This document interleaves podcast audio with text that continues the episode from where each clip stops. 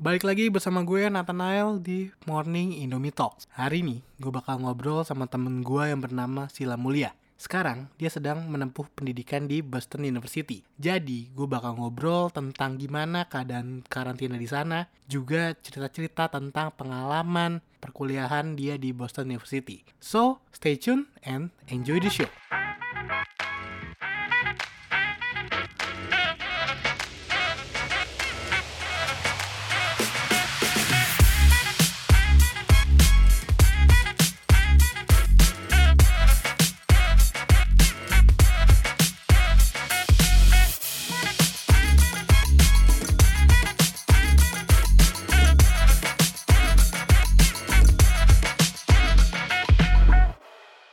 Oke Sil, gimana kabarnya? Sehat, alhamdulillah. Lo gimana? Gue ya di sini masih baik-baik aja sih sebenarnya. Saya ya orang-orang juga udah mulai rame, kayaknya udah mulai bosen deh. Lo gimana di Boston? Maksudnya gimana keadaan Boston sekarang? Nah, sebenarnya gue tuh baru balik dari uh, rumah sepupu gue ya di LA. Oh. Jadi gue udah satu Anjing, pernah kaget sih.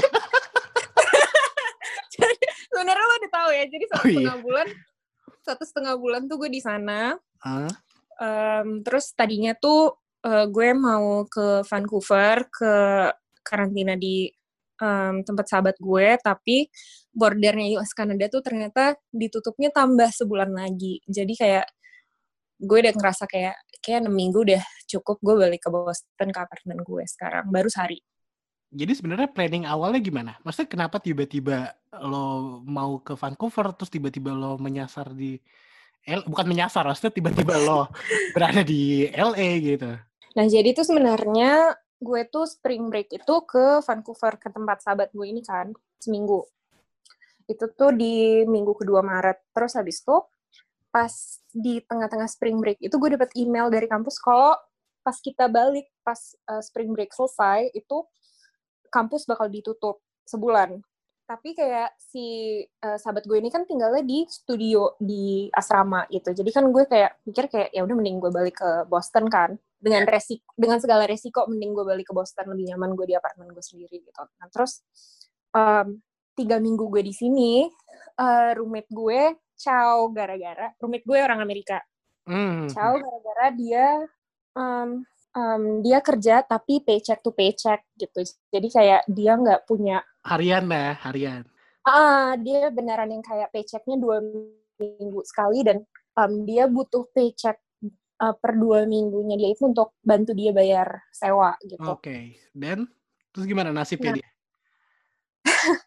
unfortunately dia harus harus ciao gitu karena um, uh, paycheck yang dia uh, rely itu nggak ada untuk bulan April kemarin. Dan jadi awal April gue mutusin ya udah gue cabut ke Vancouver.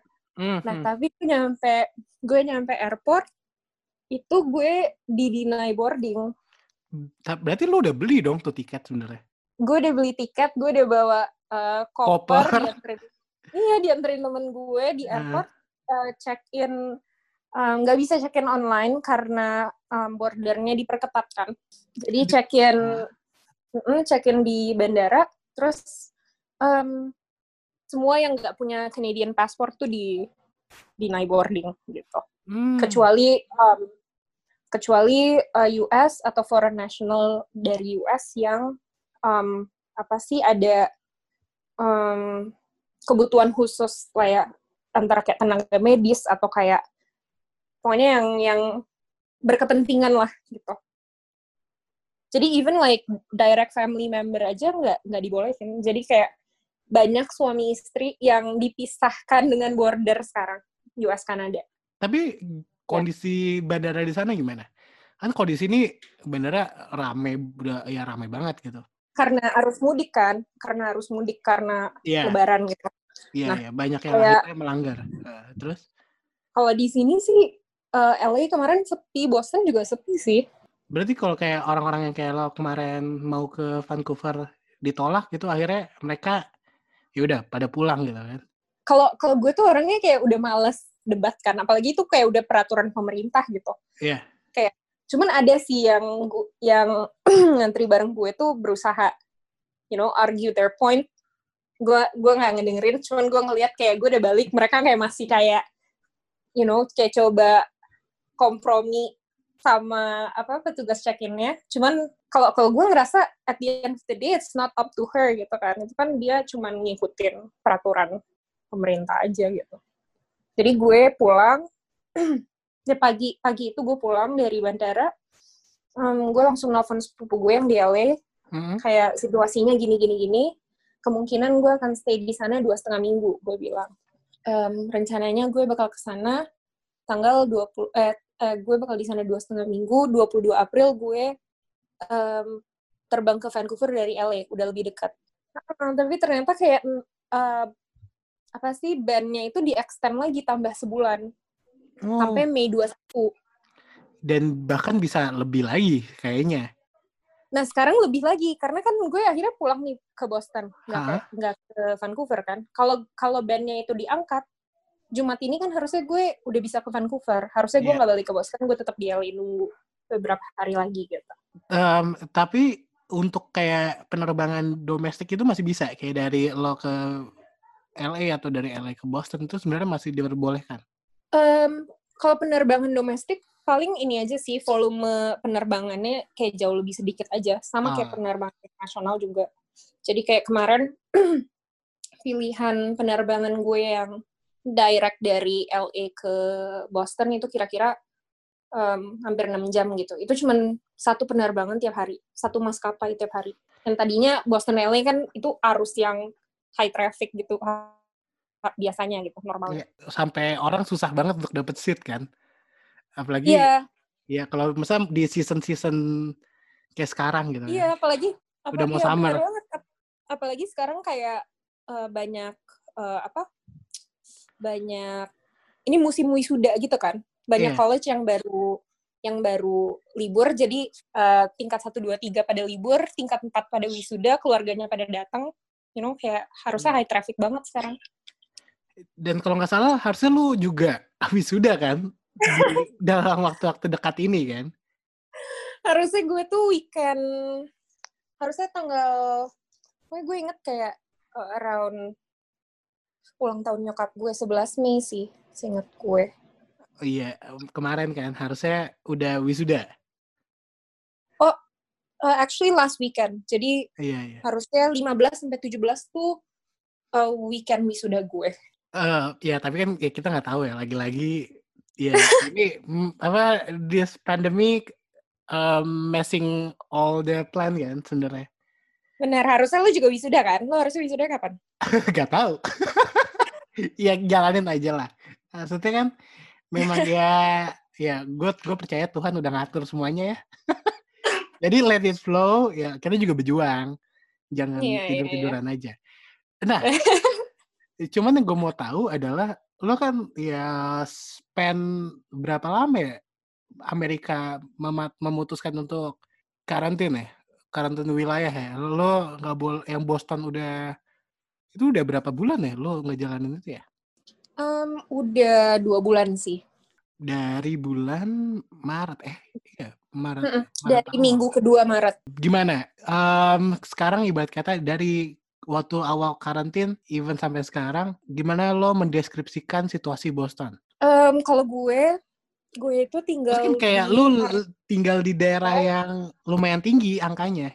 Enggak enggak enggak Maksudnya dong Amerika Am- Amerika sekarang paling tinggi, ya kan? Oh, Angka. Oh, maksudnya uh, in terms of uh, number of cases ya? Oke, iya ya, benar. Amerika yang paling tinggi dan state gue Massachusetts itu selalu dalam range top 5 dari 50 state. Nah, kalau gue di apartemen gue di Boston ini di sebenarnya bukan di daerah yang maksudnya daerahnya kayak lumayan sepi gitu loh. Jadi mau ada pandemi nggak ada pandemi sepi. Bener. Soalnya soalnya ada ada beberapa eh, temen gue yang tinggalnya di eh, kalau kalau gue tuh tinggal di building yang namanya kalau di Amerika tuh namanya brownstone. Jadi kayak gimana ya? Apartemen tapi kayak cuma empat lantai dan itu bata bata merah gitu. Kebayang nggak? Tahu tahu. Sering sering lihat tuh, sering lihat. Sering lihat di Film apa di Film-film. mana? kayak kalau itu isinya tuh emang kayak cuman kayak tujuh unit Hmm. biasanya kayak segituan tujuh unit apartemen gitu. Nah, kayak kalau teman-teman gue uh, yang tinggal di um, uh, ada satu daerah di Boston namanya Fenway itu apartemen kompleksnya tuh rame gitu loh. Jadi hmm. lo, lo bayangin kayak um, kalau di Jakarta kayak Kalibata banyak, gitu ya. Nah, iya. Maksudnya ya, ya, yang, yang, yang padat kan? gitu. Uh -uh. Nah, terus ada ada banyak supermarket, ada banyak uh, restoran, kafe di sekitar situ. Itu mungkin dia masih lebih sering lihat orang. Kalau gue nggak ada pandemi, nggak ada pandemi ya sepi-sepi aja. Eh, tapi gimana situasinya? Maksudnya kayak kan kalau di sini di Jakarta ya lo berapa menit atau berapa jam sekali ya eh, suara ambulan gitu dan ya pengumuman hmm. gitu gitu. Kalau di sana gimana? Hmm. Maksudnya seberapa mencek? Hmm, kalau gue, um, gue malah um, selam, sebelum gue uh, ke LA itu gue karantina sendiri tiga mingguan kan, tiga ya tiga minggu atau sebulan gitu. Nah selama itu waktu awal pandemi dan awal karantina itu gue malah lebih keep up-nya sama New York. Pertama karena di kampus gue itu diajarin kalau kiblat jurnalisme itu New York Times. Hmm. Dan maksudnya kalau New York Times itu kan kayak national publication gitu. Jadi kayak fokusnya dia semua news yang um, impact lebih banyak orang. Kayak yeah. news yang on a larger scale gitu. Dan kebetulan New York itu epicenternya corona di hmm. seluruh dunia ya kan. Iya. Jadi gue malah lebih keep up sama kayak how things are going on in New York. Gue punya dua temen dekat juga di New York jadi kayak gue malah lebih keep up perkembangan corona di New York daripada di Boston sih sebenarnya cuman menariknya di Boston itu katanya um, awal uh, breakout uh, corona di Boston itu di trace ke belakang ke satu um, conference biotech di salah satu hotel Marriott. Jadi itu tuh gara-gara kayak um, ada um, ya biotech conference yang digelar sama salah satu kayak uh, biotech company besar based in Boston dan um, dari situ ditris kayak 70 orang pertama yang kena corona itu ditris ke situ ke oh. konferensi. Iya, jadi sebelum semua pada tutup, Hotel Marriott itu dulu yang ditutup. Sekarang kondisinya adalah, ya meskipun terlepas lo di sana banyak teman-teman, maksudnya ya rame, banyak kolega-kolega lo. Tapi kan tetap aja lo di sana tanpa keluarga kan? Maksudnya di Boston lo nggak ada keluarga yang tinggal di sana kan? Mm -hmm. Nah, gimana lo survive di sana? Kayak lo sehari-harinya gimana? Lo belanja makanan sendiri, lo masak, lo tipe orang yang instan aja jadi ya udah mesen mesen mesen aja. Gue selama sebelum ke LA waktu gue masih karantina awal di Boston itu gue banyakkan delivery sih. Karena emang di apartemen ini kayak gue udah biasa nggak masak gitu. Maksudnya kayak biasa kan tiap hari gue ada kelas, jadi biasanya suka makan di kampus kayak gitu-gitu. Atau kayak pas pulang dari kampus mampir kayak tempat langganan gue lah untuk kayak take out gitu makan di rumah. Jadi gue ngelanjutin habit itu gitu.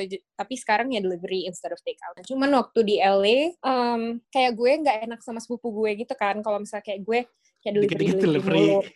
iya gitu. Jadi selama gue enam minggu di sana, gue delivery mungkin cuma sekali kali dan itu kayak ya buat rame-rame gitu kalau sisanya ya gue akhirnya mau nggak mau belajar masak gitu. Tapi untuk di sana sebenarnya kayak groceries gitu-gitu sebenarnya normal kan? Maksudnya kayak ya kondisinya sama aja kan? Sebenarnya kayak ya banyak orang gitu-gitu kan sebenarnya.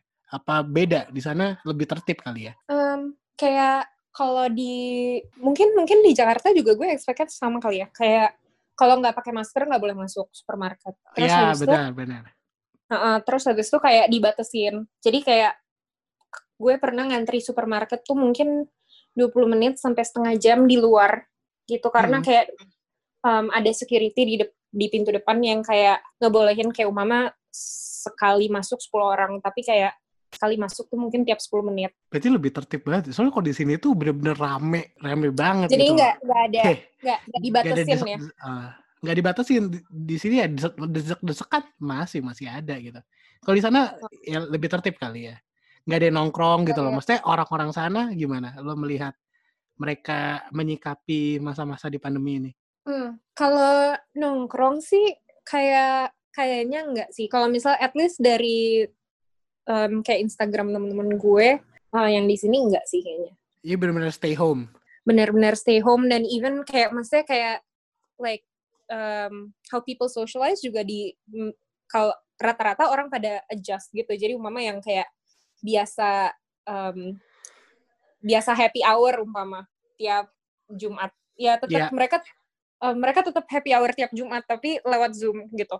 sih. Kayak gitu. Jadi kayak setahu gue sih rata-rata pada nyikapinnya dewasa apalagi di state-state yang ibaratnya they know how serious it is and they know how much they can uh, impact uh, the pandemic by just staying home gitu. Apakah lo ya sekarang lagi di negara orang yang lagi ngalamin pandemi kayak gini sendiri, lo merasa aman nggak? Apa lo ngerasa kayak pengen pulang gitu? Maksudnya kayak aduh ini kapan sih kelar? Pengen pulang gitu loh. Maksudnya gimana? Kalau gue sebenarnya ini sih kayak gue emang kayak hampir pokoknya selama empat tahun gue kuliah tuh um, gue nggak pernah Ramadan nggak di Jakarta. Ini pertama kali Ramadan nggak di Jakarta, and ya beruntung di gue, gue tiga minggu pertamanya kemarin di rumah sepupu gue ya, jadi ibadahnya masih terkontrol gitu. Masih masih terawih lah ya. iya. Cuman ya ini seminggu terakhir ini um, yang harusnya ibadah volume ibadahnya ditingkatin gitu ya. Ini kita lihat aja deh. Semoga at least dipertahanin lah kemarin yang habit gue di LA sama sepupu-sepupu gue gitu. Soalnya kan lu tinggal ya in this week kan lo ngejalanin sendiri ya? Ngejalanin puasa sendiri. Benar. Seminggu Jadi, terakhir Ramadan gue sendiri. Sahur, sahur, sahur sendiri ya. Iya. buka buka sendiri. Iya paling gue nelfon temen gue sih biar nggak buka sendiri itu cuman hmm. yang mau gue tahu kondisi di sana adalah kayak gimana lo menjalani ibadah puasa selama masa-masa ini gitu pasti beda dong sama yang biasa gitu sama tahun-tahun sebelumnya kalau buat gue lebih berat sih karena kayak kayak mama puasa tahun puasa dua tahun lalu gue itu sambil magang gitu uh, buat gue kayak time flies by faster gitu. Kalau lo ngerjain sesuatu di kantor 9 to 5 gitu. Kayak jadi um, sekarang gue malah jatuhnya itu pas lagi preparation buat finals dan during finals gitu. Jadi um, sebenarnya agak nggak enak sih, cuman ya gimana lo butuh pertolongan Tuhan juga kan? Iya kalau lagi ujian gitu. Ya orang tua lo yang di Jakarta gimana? Maksudnya kayak lo dicekin terus kah? Atau ya dikuat-kuatin gitu. Pasti kan yang di Jakarta juga worried dong dan pengen tahu kondisi lo secara berkala gitu kan. Hmm, kalau nyokap gue sih lumayan lumayan ini sih kayak lumayan leave it to me gitu. Untuk kayak jadi udah percaya ya? Uh, untuk kayak bikin decision gitu. Karena kayak um, ada temen gue yang dipaksa pulang. Sebenarnya pengen stay di sini kayak gitu gitu kalau gue um, gue sendiri yang mutusin untuk nggak pulang. Sebentar sebenarnya um, nyokap ya orang tua mana sih yang nggak pengen anaknya pulang gitu kan Iya benar. Ya. Apalagi di ini Lebaran kan. Apalagi Lebaran terus lagi pandemi gini in uncertain times kan orang tuanya sebenarnya bakal lebih tenang kalau anaknya pulang gitu. Cuman kayak hmm. gue juga udah hmm, ngomong sama nyokap um, sedemikian rupa kalau misalnya kayaknya lebih baik gue um, spend the next three months at least di di Boston gitu. Karena kayaknya gue juga bakal pulang for good juga gitu. Jadi lo ini lo, lo sendiri yang memutuskan untuk ya udah better nggak pulang gitu. Mm -mm. Toh masih ada Padahal sebenarnya pengen. Sebenarnya rencananya emang lebaran di Jakarta gue. Gitu kalau nggak oh. ini ini. Hmm. Ya malah rencananya mau pulang kampung tadinya. lu terakhir dari lu terakhir balik kapan?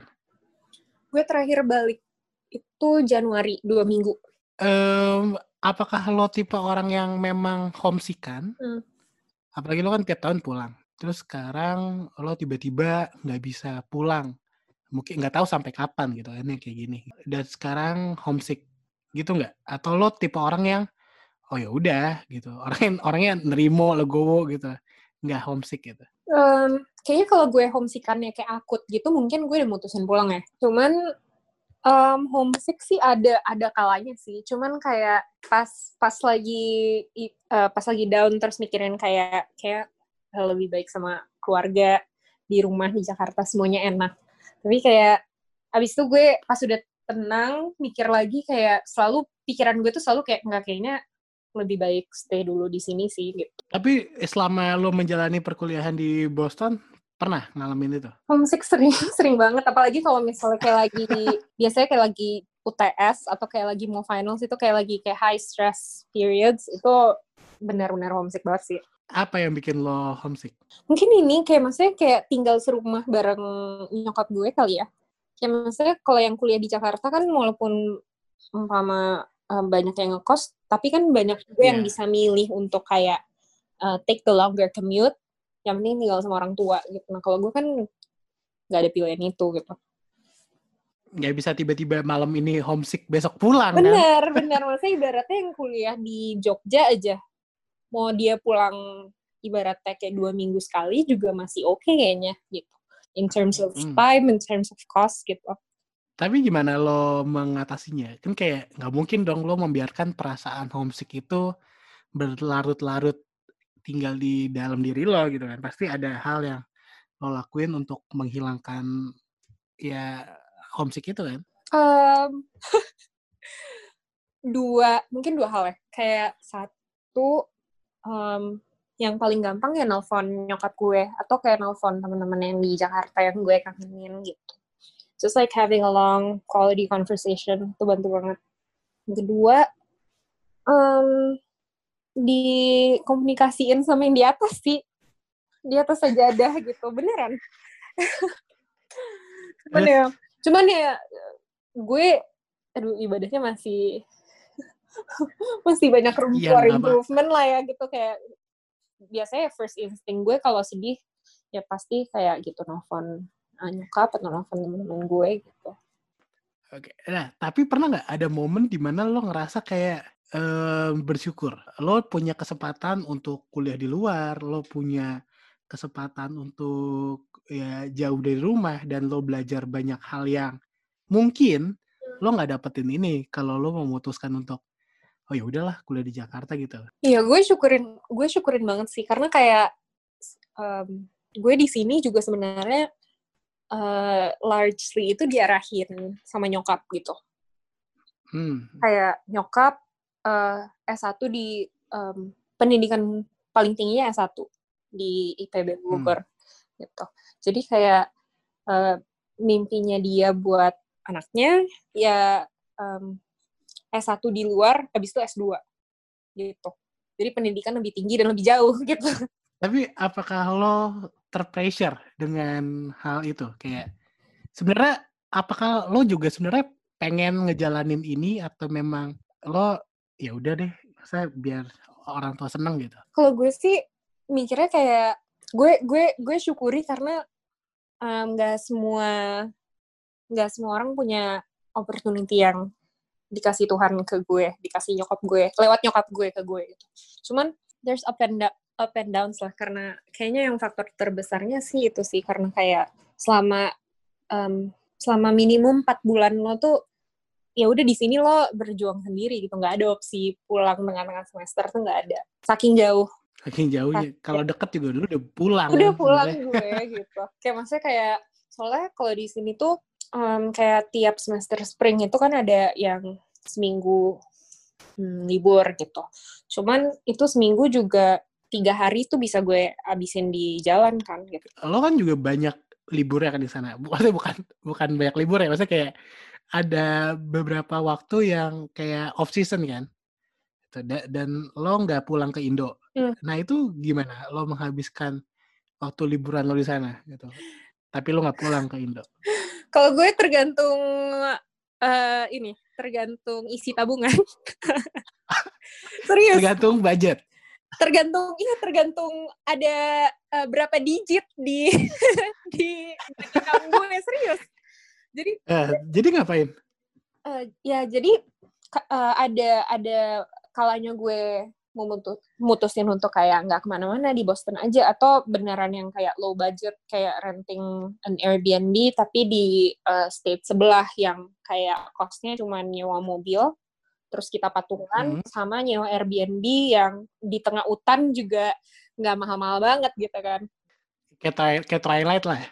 iya iya serius di tengah karena karena Boston itu kan di lokasinya di northeast kan, jadi beneran yang kayak bukan apa sih maksudnya kalau pantai maksudnya nggak ada nggak ada nggak ada nggak ada pantai Iya paling kalau pantai juga ya elah gitu kayak maksudnya kayak nggak mungkin lo traveling jauh-jauh mama buat lihat pantai di daerah northeast tuh nggak biasanya kayak ah, ah. um, gunung-gunung gitu yang dingin kan maksudnya yang daerahnya lebih ke apa daerah tinggi kan? Yes. Terus gimana? Lo menghabiskan waktu liburan lo kalau nggak balik? Um, ya gitu kan tergantung budget. Nah, kalau misalnya lagi low budget uh, yang tadi gue ceritain kalau lagi um, lagi tinggi lagi ada budget ke mana? Kalau lagi ada budget um, harus diceritain ya. Eh, eh nggak apa-apa. eh ini kan untuk temen-temen yang Oh. pasti gini loh kayak kayak banyak yang udah di luar negeri, maksudnya udah kuliah di luar tapi ibarat kata homesick, bosen, ya Hmm. udah ngedekem aja di kamar gitu kan. Tapi sepertinya Anda tidak seperti itu. Sepertinya gue Iya dong, nikmatin, kan nikmatin orangnya aja gitu ya. Ya or- orangnya oportunis. Ada kesempatan, ada kesempatan Bener, bener, cabut, cabut gitu bener, kan. bener. Gue kayak, ya, ya pokoknya gini, kayak gue generalisir aja lah ya kalau misal Iya, generalisir aja. Iya ya, gue generalisir kalau misalnya anak-anak dari uh, Boston, Boston itu kan um, terkenal di Amerika tuh college town. Kayak di di Boston, eh di Massachusetts itu di state of Massachusetts itu ada Hmm, lebih dari hmm, 100 kampus, lo bayangin. Wilayah pelajar gitu. Kota pelajar. Nah, terus? Nah jadi um, apa namanya? Kalau yang gue perhatiin anak-anak Boston itu hmm, biasanya nyari Hmm, panas. Jadi antara ke Meksiko atau ke negara-negara Amerika Latin sana gitu. tapi kalau lo bukan tipe yang kayak gitu. Gue nggak terlalu. Tapi sebenarnya em, untuk anak-anak kayak lo, orang untuk mahasiswa-mahasiswa kayak mahasiswa kayak lo, itu sebenarnya penting gak sih kayak kayak gitu liburan untuk explore ya wilayah-wilayah lain untuk ya jalan-jalan aja gitu. Sebenarnya butuh gak sih? Penting gak? Kalau menurut gue, it's part of the Hmm. college experience sih. Kalau menurut gue, ya kayak maksudnya kayak ya daripada lo kayak lo dikasih libur nih tengah semester daripada kayak dan lo kuliah cuma 4 tahun gitu. Wala- Walaupun kayak pas ngejalaninnya terasa lama, cuman ini kan sekarang lo pasti ngerasain juga at the end of four years itu kan baru baru kerasa kayak Takut kayak gitu loh. menyia-nyiakan kan? Iya. Yes, maksudnya kayak lo um, ibaratnya kayak lo di kampus itu kan lo juga kayak trying to build like relations juga kan with um, your peers gitu. Jadi kayak menurut gue the best it's one of the best college experiences untuk kayak apa ya bond with um, people from your college gitu dan liburan bareng and explore new places apalagi kayak um, kalau lo international student gitu kayak mending mending lo explore Amerika dan sekitarnya daripada lo pakai Hmm. waktu itu buat pulang. Jadi Anda menyesal pulang?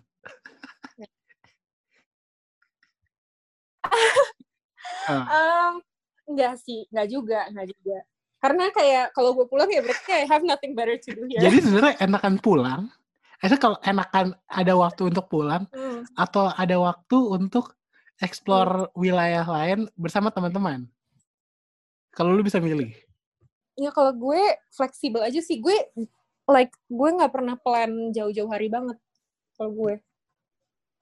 Jadi kayak kalau misalnya gue like, kayak kemarin nih, kayak kemarin Januari gue pulang dua minggu itu ter, Hmm. liburan terpendek gue ke Jakarta gitu. Jadi kayak selama empat tahun di sini. Jadi kayak, nah itu gue ngerasa karena gue perlu pulang aja gitu. Kalau misalnya gue lagi nggak ngerasa perlu pulang, ya mungkin gue bisa kayak liburan di ya di kota lain yang nggak terlalu jauh dari Boston apa mungkin gue di apartemen aja tapi nyari kegiatan yang mungkin kayak gimana ya kayak explore Boston while I'm still here gitu Boston sebenarnya kota kecil sih cuman kan mungkin ada kayak kegiatan-kegiatan yang bisa gue lakuin yang belum gue lakuin selama empat tahun di sini gitu Nah, ngomong-ngomong ke awal lo ke Boston. Kayak em gue tertarik untuk Hmm. ngomongin ini salah satu penyakit orang ya, salah satu penyakit yang banyak ditemui di masyarakat. itu adalah culture shock. Pasti meskipun Hmm. lo nggak tinggal di sana seumur hidup atau maksudnya nggak dalam jangka waktu yang cukup panjang kayak 10 tahun atau berapa belas tahun, tapi tetap aja lo pasti akan ngalamin yang namanya culture shock. Apalagi lo nggak ada keluarga dan tinggal Hmm. sendiri ngejalanin perkuliahan. Pernah nggak lo ngalamin culture shock itu? Dan ada cerita nggak? Kalau gue, kebetulan waktu gue uh, pertama ke sini itu gue langsung temenan sama uh, teman-teman dari orientasi gitu. Dan uh, semuanya mereka Hmm. international student gitu dari berbagai negara gitu. Jadi kita um, gue nggak ngerasain culture shock karena mungkin kalau ada culture shock kita mungkin ngerasainnya bareng-bareng jadi nggak terlalu kerasa gitu loh. Jadi kita ngerabainnya tuh bareng-bareng. gitu. Apa lumayan cepet ya adaptasinya ya? Ya dan dan mungkin karena mungkin karena di Amerika juga ya kayak maksudnya kayak kita rata-rata kan terekspos juga sama kayak Hmm. American film and TV gitu kan. Jadi kita udah kayak lebih familiar sama culture-nya mungkin dibandingin kayak temen-temen yang eh, ngerantaunya ke negara yang em, bahasa pertamanya bukan Inggris cuma atau negara yang kayak film and TV-nya kita nggak terlalu sering konsum gitu. Nah, tapi ada nggak sih yang memotivasi lo untuk kayak ya maksudnya gi- gini, gue gue belum pernah kuliah sejauh lo kan, maksudnya kayak lo pasti ada ups and down-nya gitu kayak lagi Hmm. sedih, entah tugas banyak, entah PR numpuk gitu-gitu. Apa yang memotivasi lo untuk survive? Eh, nyokap gue bayar kuliahnya nggak murah. Jadi harus selesai. Jadi harus selesai 4 tahun. Gue tadinya tuh eh, semester 7, jadi abis gue magang di Dana tahun lalu tuh, kayak gue Oh, sebenarnya magang di Indonesia? Anjing gue iya, so, so, pernah so, ya. so, so kaget. Padahal kita ketemunya di Dana. di sana. Eh, eh, fun fact. Jadi gue kena, gue gue kenal Sila di sebuah perusahaan dompet digital. Di satu-satunya dompet Yang nggak digital. akan kita sebutkan ya. Gak kita sebut lah. bangga dong. Gue bangga, gue bangga jadi anak Oh, magang oke, Dana. oke. Ya. Gue Hmm. gue gue gue dan Sila bertemu di Dana di bagian PR. Kita jadi partner magang ya. Meskipun nggak lama, Yes. cuma berapa? Cuma sebulan? Eh, dua bulan? Hmm. Itu pas nah, dan ini pasti banyak yang nanya. Kenapa sih lo udah kuliah di luar tapi magang juga di Indo lagi, Indo lagi? Em, Oke, jadi kayak gue itu sempat magang part time, jadi kuliah sambil magang. Jadi di uh, PR agency, tapi dia regional Oke. gitu. Jadi klien-kliennya dia kayak restoran-restoran high end gitu. Hmm. Terus?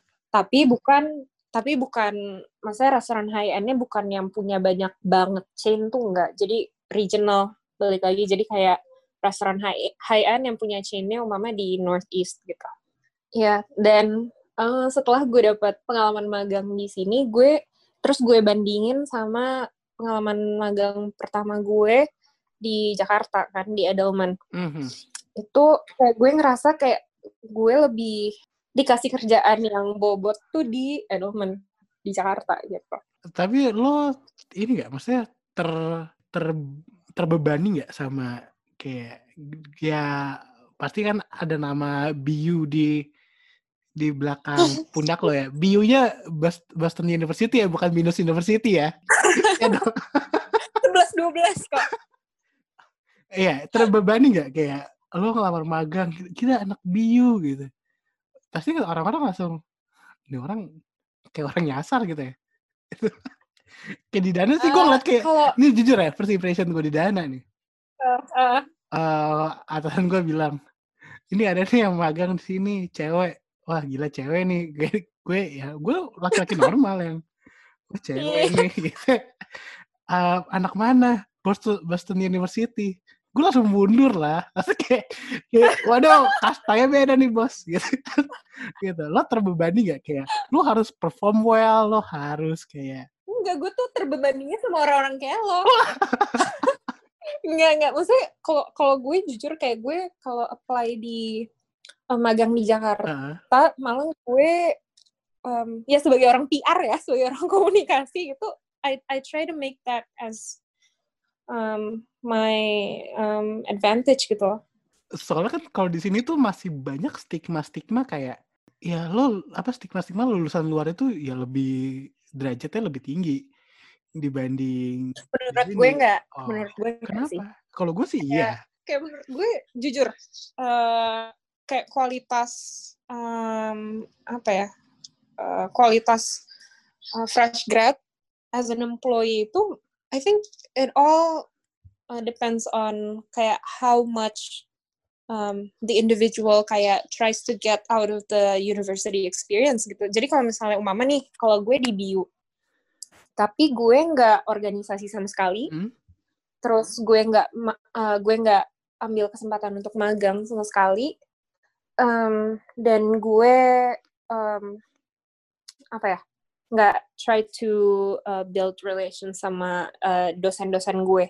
Yang ibaratnya um, apa ya a large part of my tuition goes to that kan like financing stuff mama kayak gitu like quality stuff itu ya mungkin gue nggak nggak terlalu beda jauh sama anak yang mama lulusan lulusan lulusan uh, universitas uh, lain yang umpama uh, namanya nggak sekuat biu. Oh, gitu. di luar, di luar. Ya mau di luar atau di dalam negeri, kalau menurut gue sih kayak maksudnya kayak it's how it's kalau kalau gue jadi orang HR nih ya, mm-hmm. I think baru terkuaknya tuh nanti pas interview gitu loh. Tapi kayak pasti proses um, screening lo langsung masuk nah, tanpa dilihat. gue di situ, advantage iya, gue di betul. situ. Ya alhamdulillah itu serve as a ya batu loncatan buat gue at least di Jakarta gitu. Cuman ya um, ya kalau menurut gue sih itu sih kayak poin yang tadi kayak it's how you make of your kayak opportunities gitu loh jadi kan kayak um, ibaratnya um, kenapa di mama is ada high price point karena um, the range of opportunities that's given to the student gitu kalau kalau studentnya nggak memanfaatkan itu kayak employer pasti oh, terutama orang HR gitu pasti lihat gitu loh. Malah ya. sebenarnya ya. malah bikin jelek namanya sendiri sih kalau dia nggak perform well sih sebenarnya. Iya, iya, iya. Jadi kayak ibaratnya kayak oke okay, dia kalau dia um, mama dia udah di BU kayak oke okay, it shows that they worked hard in high school gitu. Tapi kalau misalnya dia di CV-nya dari um, uh, maksudnya CV-nya dia selama empat tahun di college dia nggak ngapa-ngapain itu berarti kayak ini orang give up nih di tahun pertama iya, gitu kayak dia, dia, orang kenapa nih? dia orang modal budget doang nih. Iya iya gitu. Iya benar. Karena ya um, di itu sebenarnya contrary to the name itu sebenarnya university swasta. Hmm. oh. bukan negeri nah, ya swasta. Jadi um, apa namanya benar-benar kata lo sih emang ada beberapa yang ibaratnya donation based gitu. Gitu uh, soalnya kan banyak yang kayak oh lu ini kuliah di luar ya magang gitu. Atau misalnya fresh graduate. Hmm. kayak seluruh hmm. pekerjaan kayak dilimpahin gitu loh lo kayak kayak lo diandelin di segala hal gitu. Tapi untungnya kemarin dana enggak ya? Maksudnya porsi kita beda-beda tipis gitu bener. Kayak maksudnya di dana tuh it's it was a totally different experience dari waktu gue di Adelman. Kayak karena di Adelman itu gue di satu tim supervisor gue tiga eh empat sorry empat orang. Anak magangnya cuma satu cuma gue doang. Jadi semuanya di ini nih kalau. Bener.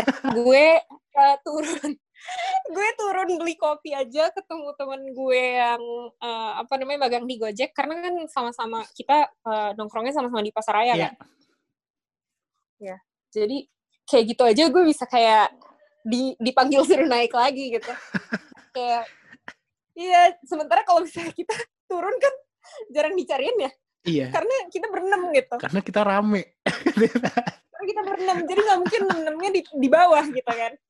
Yeah. Kalau sampai ya keterlaluan gitu. Enakan di Edelman atau enakan makan di Dana? Uh, kalau misalnya di Edelman itu gue ngerasa kayak fulfillingnya itu dalam segi kayak gue beneran dikasih kerjaan uh, yang porsinya sama sama account executive gitu loh hmm. menurut gue. Um, karena anak magangnya cuma satu. Nah kalau misalnya di Dana enaknya berenam ya gue selalu ada temen ngobrol hmm. walaupun kerjaannya jadi ngerjain yang lama cuman kayak ya jadi selalu rame gitu Tapi emang emang yang tadi lu bilang apa kerasa kan bedanya magang di luar sama magang di Indo ya. Kayak Kerasa. gimana di sini bener-bener lu dikasih kesempatan untuk ya lumayan explore jauh dan lu dikasih responsibility yang lumayan besar dalam ukuran anak magang ya. ya that's why that's why kayak um, gue lebih ngerasa ada belajar banyak uh, dari pengalaman magang gue di Indo daripada di sini jujur. Ya karena di kayak uh, the degree of responsibility itu apa sih kayak ya sesuai mungkin sesuai ekspektasi lo ya kayak maksudnya kayak beneran supervisor at least di case gue supervisor gue tuh sangat bertanggung jawab atas kerjaannya. Jadi kayak dia nggak akan ngelimpahin kerjaannya ke gue gitu. Jadi dia udah kayak Kasih porsinya uh, masing-masing. punya- iya iya. Nah sementara di Edelman nggak kayak gitu kayak beneran kayak uh, lebih flowing gitu. Loh jadi kayak kalau misalnya uh, supervisor empat supervisor gue ini kewalahan apa ya banyak yang dilimpahin ke gue tapi gue malah justru kayak belajar banyak gitu. Karena saat itu gue baru selesai semester 4 dan gue um, sebenarnya tahun pertama tuh gue di bisnis bukan di komunikasi. Jadi gue tuh baru aja pindah jurusan itu semester 4 terus makanya gue milih magang di PR agency biar kayak gue kayak uh, belajarnya kayak up to speed gitu loh Iya. sama uh, major baru gue gitu dan kayak gue ngerasa kayak apa ya ngerasa beruntung sih kayak maksudnya supervisor supervisor gue tuh beneran yang kayak um, setelah jam 5 sore tuh bisa kayak uh, apa sih ngajak gue duduk terus kayak sambil kayak ngajarin um, udah kayak rasanya kayak crash course PR 101 gitu tapi kayak Bagus tapi dong. kayak Kayak lebih- lu dapet Jadi kayak cepet banget dong perkembangannya. Iya, dan gue ngerasa itu lebih valuable, um, pengalaman yang lebih valuable dibandingin yang gue experience di magang gue yang part-time di Boston gitu. Ya tapi tetap aja kan kayak maksudnya di mana pun lu magang kemarin lu tetap dapat sisi Hmm. positif kan. Di Edelman lu dapat sisi positif ini, di Dana lu dapat positif ini. Kayak gimana, kayak gue ngerasa kayak di, apa ya, kalau misalnya gue selama empat tahun ini gue nggak magang part-time di Boston, gue pasti ngerasa kayak um, at the end of four years, kayak sekarang gitu ya, pasti gue akan ngerasa kayak I've missed out on some opportunity gitu. Jadi kayak gue udah ngerasa kayak alhamdulillah at this point gue udah ngerasa oke kayak gue udah ngerasain uh, di Indo habis itu yang kedua part time di Boston dan kenapa gue balik lagi magang di Indo karena gue ngerasa lebih cepat berkembangnya dengan kayak dikasih the uh, apa the amount of responsibility di lebih banyak di Indo gitu. Ini salah satu yang pengen ditanyain juga. Hmm. Em, banyak yang ngerasa kayak gue nggak tahu ya untuk luar, tapi kalau untuk di Indo kayak menurut gue, menurut gue ya pandangan gue, em, banyak orang yang tidak menemukan relevansi antara pelajaran yang dia dapat di kuliah sama pekerjaan di tempat magang kayak nggak nggak nggak relatable aja. Kalau lu gimana? Apakah ilmu pengetahuan atau kayak hal yang lo dapat di kuliah itu berguna juga di magang lo, entah di dana ataupun di Edelman gitu. Alhamdulillah uh, sejauh ini berguna sih. Ya, Oke, jadi tidak di luar track ya? Jadi kayak kalau misalnya kayak di US itu uh, education system itu largely um, hampir setahun dari empat tahun lo kuliah itu kurikulumnya itu di luar jurusan lo. Jadi lebih nyebar ya, Iya, maksudnya jadi lebih kayak- lebih ini lebih lebih banyak ini ya kan, lebih banyak cakupannya. Iya, jauh lebih nggak saklek gitu Hmm. daripada Indo. Mama gue mahasiswa komunikasi nih, tapi semua mahasiswa komunikasi itu harus ngambil um, satu kelas filosofi, umama kayak gitu. Nah, kelas filosofinya nih bisa apa aja. Dan karena uh, BU kayak kampus yang lumayan gede, Hmm. jadi pilihan uh, pilihan kelas komunikasi eh, kelas filosofinya juga banyak kan. Tuh, jadi gue kemarin ngambil kelas filosofi yang namanya medical ethics. Oh, Itu isinya semua anak primat.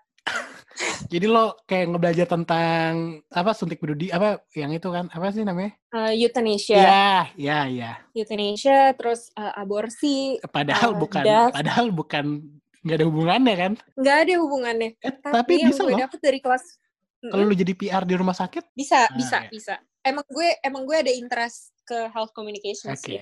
Di luar itu, regardless of sejauh apa pun menyimpang kelas filosofi yang gue ambil, Ah, uh, filosofi itu ngajarin uh, apa ya, honin um, writing skills gue kan, karena um, dia nggak ada ujian tertulis, obviously. Kayak misalnya kayak um, instead of ujian tertulis ya ada essay essay essay, essay terus sama uh, diskusi. Ya diskusi among like your peer group gitu. Sebenarnya lebih ke mini mini project gitu kali ya. Jadi kalau waktu itu gue kayak ada tiga mini project yang involve kayak diskusi dengan um, berapa kayak uh, group of like five people I think. Hmm. dan itu random kan. Dan um, apa namanya kayak kita bikin kayak essay yang kayak dua halaman lah gitu.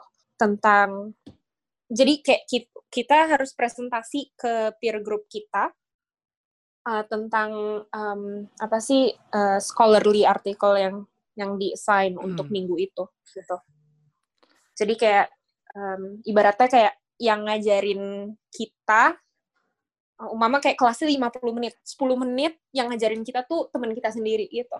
Enak ya berarti nggak ini maksudnya nggak nggak fokus ke lecture dong berarti kayak ya siapa aja bisa jadi pengajar dan bisa ngasih insight kan? Iya iya iya. Jadi kayak gimana ya kayak emang kayak kalau misalnya jadi ibaratnya kan lo dikasih lo kan nggak mau malu-maluin dong gitu iya apalagi dong. kayak teman segrup lo itu kan random gitu kan uh. kan lo pasti nggak mau malu-maluin jadi kan pasti kayak you do your homework you do the two page essay dan you do it by uh, after carefully uh, reading the scholarly article gitu kan nah jadi kayak lo punya pasti untuk kayak lo presentasi minggu itu di depan even di depan kayak empat temen lo tapi itu kayak lo pasti udah punya pemahaman yang cukup untuk kayak lo bisa presentasiin selama 10 menit ke teman-teman lo tanpa tanpa deck tanpa apa pun gitu. Ngomong aja. Nih ini out of topic tapi gue pengen banget tahu. Sebenarnya di event di, eh, di bio pun ada joki gak sih? Um, gue penasaran maksudnya orang luar itu ada gak sih joki-joki gitu di luar? Joki ini ya joki tugas gitu gitu bukan joki lalu lintas. Ada sih, ada ada. Oh ternyata orang luar juga ngejoki ya? Ada. Even even kayak umama gini kayak orang orang Tiongkok itu komunitasnya di di hampir semua kampus di Boston itu lumayan kuat kan. Apalagi balik lagi BU itu kampus yang gede untuk ukuran uh, rata-rata kampus di Amerika. Jadi komunitasnya kuat. Jadi um, roman-romannya katanya tuh di antara komunitas mereka ya antara antara itu perputaran past papers kayak gitu-gitu. Apa kayak uh, service joki kayak gitu.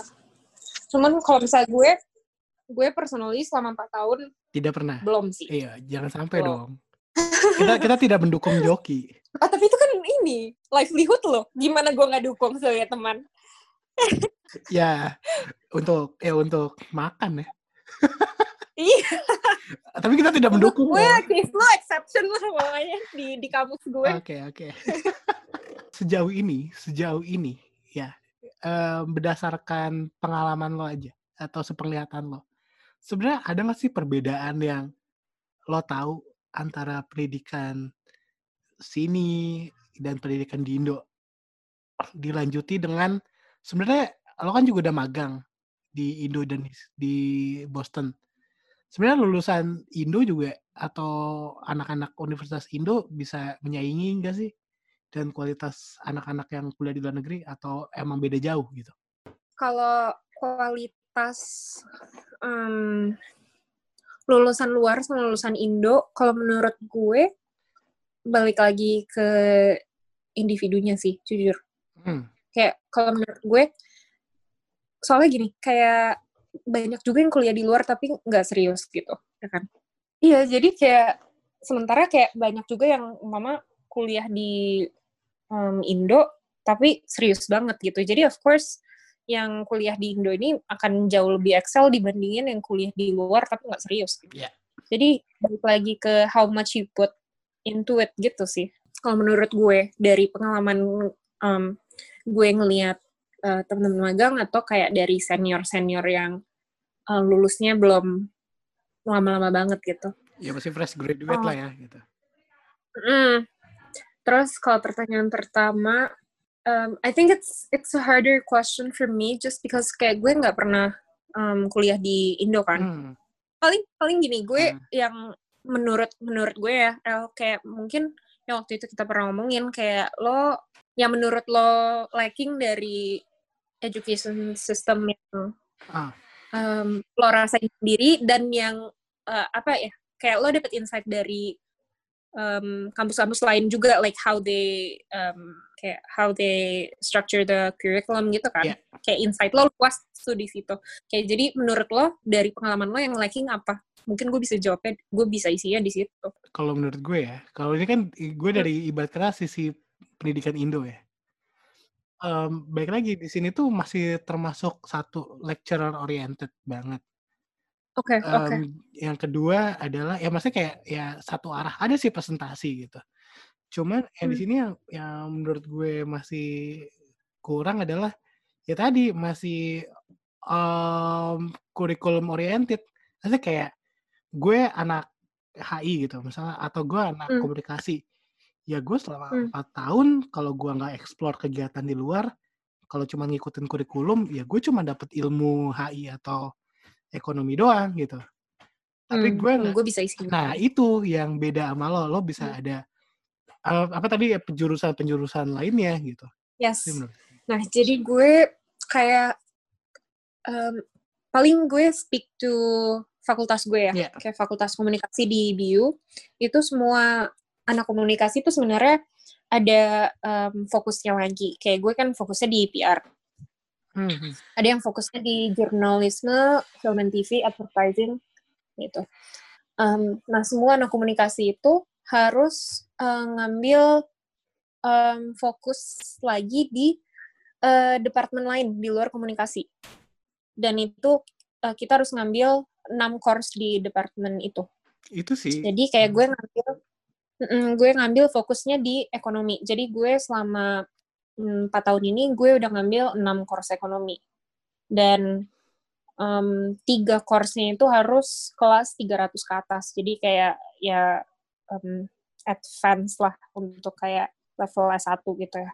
Maksudnya kayak di di sana disediakan banyak pet kan kayak lo Yes. awalnya belajar yang luas and then tiba-tiba lo mau nanti komunikasi ke health communication, lo mau ke sport communication, lo mau ke media gitu. Exactly. Itu ada banyak kan lo untuk ada chance untuk ya lo mau belajar yang A, yang B, yang C gitu kan sebenarnya. Ini gue gue ambil kayak mama case paling menarik ya. Ya. Ada temen gue yang dia itu pengen banget jadi jurnalis untuk Nat Geo. Hmm, Terus dia punya ya kayak dia punya um, in like incredible amount of concern towards um, like saving marine life. hmm. Good. Ya kayak saving the whales, saving the dolphins, kayak gitu-gitu. Ya. Ya ada ada sentimen kuat ke situ. Jadi yang dia am- yang diambil adalah em, ya dia anak uh, komunikasi di BU, di uh, anak di fakultas komunikasi di BU, terus diambil fokus di fakultasnya itu diambil jurnalisme, terus habis itu fokus di departemen lainnya dia ngambil marine biology. berarti di sana itu berarti kayak lo memang ketika masuk sana, ketika lo menempuh pendidikan di sana, lo emang harus sudah tahu it, it the end in the karirnya lo mau apa kan? Tapi kan kalau di sini ini peng, sepengetahuan gue ya. Oh ya udah yang penting lulus aja, gue punya gelar. Ya misalnya kayak gue HI, ya nanti lihat nantilah terserah gitu. Maksudnya nggak nggak terfokus kayak di sini tuh masih yang kayak gitu sih kayak ya gue HI ya ya udah nanti terserah deh mau kerja di mana gitu maksudnya Hmm. kalau dulu kan kayak temen lo udah tahu dia mau di Net Geo dan uh, concernnya iya. ini dan kampus menyediakan patternnya kan Outlet, iya. nah Nah, itu sih Nah, tapi sebenarnya ada juga yang kayak masih rada ngawang kayak gue ngambilnya fokusnya ekonomi gitu, nggak sespesifik nggak sespesifik marine biology gitu kan. makanya sebenarnya ya balik lagi itu kayak one uh, di satu sisi bisa jadi bobby trap satu sisi bisa good ya kan kayak di satu sisi lo bisa ambil banyak pelajaran Yeah, like in other words, sebenarnya kayak um, the education system is way more flexible than it is in Indo, for sure. Gitu. Jadi kayak it's almost kayak um, maybe like um, 60% of it you can you can almost like design your education. Terus habis itu uh, the rest 40% itu kayak kelas-kelas wajib yang lo harus ambil sebagai kayak anak uh, komunikasi di dengan fokus PR umpama kayak gitu. Biar identitas lo nggak hilang kan. Jadi ada kelas wajib ya kan. Yes. Iya iya. Karena lo tetap harus ada jurusan di gelar lo kan Ya, gitu. betul. Cuman um, at the end of the day you're you're well rounded and you get you know an education that's kind of apa ya lebih ya lebih well rounded aja gitu. Kayak jadi soalnya kan kalau kalau I can only speak to my faculty ya. Kayak kalau komunikasi kan it's at the end of the day it's a soft skill gitu. Jadi I think um, salah satu yang narik gue untuk pindah ke komunikasi juga how you design the faculty gitu loh, the curriculum in the faculty gitu. Kalau di umama kayak di fakultas gue yang sebelumnya di bisnis itu agak sedikit lebih saklek gitu. Kayak lo nggak bisa dapat fokus di departemen lain. Lo bisa dapat minor di departemen lain, tapi kayak um, minor itu nggak muncul di gelar lo gitu. Jadi kayak ya gitu. Iya, makanya kayak ya sebenarnya plus minus ada ya antara pendidikan Indo sama di sana. Kayak di Hmm. sana benar-benar tanggung jawab di tangan lo. Lo mau ambil Hmm. matkul apa, lo mau ambil ibarat kata ya pattern lo you, you made your own pattern kan di sana kayak Iya. lo lo yang bikin lo yang menyusun SKS dan lain-lain gitu. Hmm, Lo, hmm. lo mau random kayak lo mau terarah, karena di sana dibebaskan kan. Bener-bener. Ya 40% lah ya lo bisa desain sendiri Iya. kurang lebih. Tapi kalau di di Hmm. sini bener-bener lo udah diatur kayak um, 100 enggak enggak 100% kayak may- maybe 80 or 90 lah. Kayak di semester Oke. 1 sampai menuju akhir lo udah didesain Hmm. kayak lo semester ini dapat kelasnya ini ini ini. Lo semester ini dapat Hmm. kelasnya ini ini. Baru di akhir baru penjurusan lo bisa memilih Hmm. fokusnya ke mana gitu kan. Ya ada plus minusnya sih di sini kan kayak lo dicetak sama gitu kali ya. Hmm. lo punya satu stempel yang sama. Mungkin kalau di sana ya lo memutuskan sendiri gitu. Emang dari awal maunya apa. Tapi, Iya, ah, jadi, ah, mm-mm. lanjut. Oh, oke. Iya, jadi kayak em, ibaratnya si temen gue yang eh, ngambil fokus di marine biology ini pas dia apply ke NetGeo dia bisa bilang kayak gue udah em, apa ya selain em, pengalaman magang gue em, gue juga eh, komit loh dari dari kuliah nih. Gue udah ngambil fokusnya di marine biology karena gue udah tahu passion gue tuh di situ gitu. Dan gue pengen apa ya pengen jadi em, jurnalis yang kredibel di bidang ini gitu. Ya gitu. Tapi lo sendiri melihat lo udah berada di track yang tepat nggak untuk apa yang lo tuju? Em, kalau ekonomi kan aplikasinya luas banget ya. Iya. dan apa kayak eh, mainly teori kan. Jadi kayak sebenarnya em, menstruktur cara berpikir lo aja sih kalau menurut gue. Dan dan em, sebenarnya gue eh, ngambil ekonomi pun karena gue itu pindahan dari bisnis ya kan. Dan di bisnis waktu di tahun pertama gue udah ngambil kebutuhan gue untuk jadiin ekonomi sebagai fokus Iya. gitu jadi kalau misalnya kayak gue fokus em, di departemen lain pas gue pindah di komunikasi sesuai maunya gue mama tadinya gue maunya gue filosofi atau psikologi itu em, setengah eh, requirement towards fokus di ekonomi itu terbuang sia-sia gitu. Jadi gue melanjutkan aja sebenarnya. Iya tapi balik lagi Tapi ya- kita realistis Ah, ya. bagusnya itu sih. Ah. Realistis, iya masa gue mau nambah satu semester lagi kayak duit orang tua gue gitu.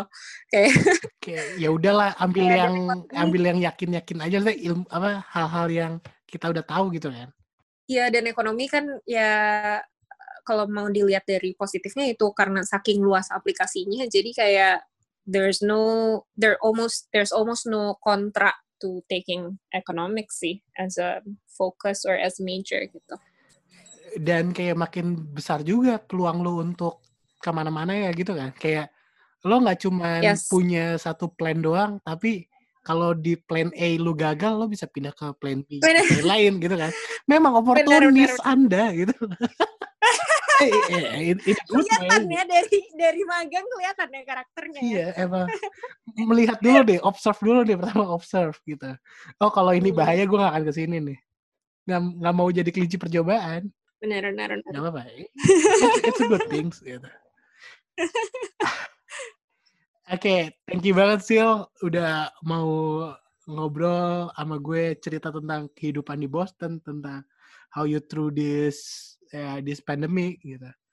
Um, gue cuma mau ngucapin thank you sebesar-besarnya. Semoga sisa hari-hari berpuasa bisa dijalani dengan baik ya.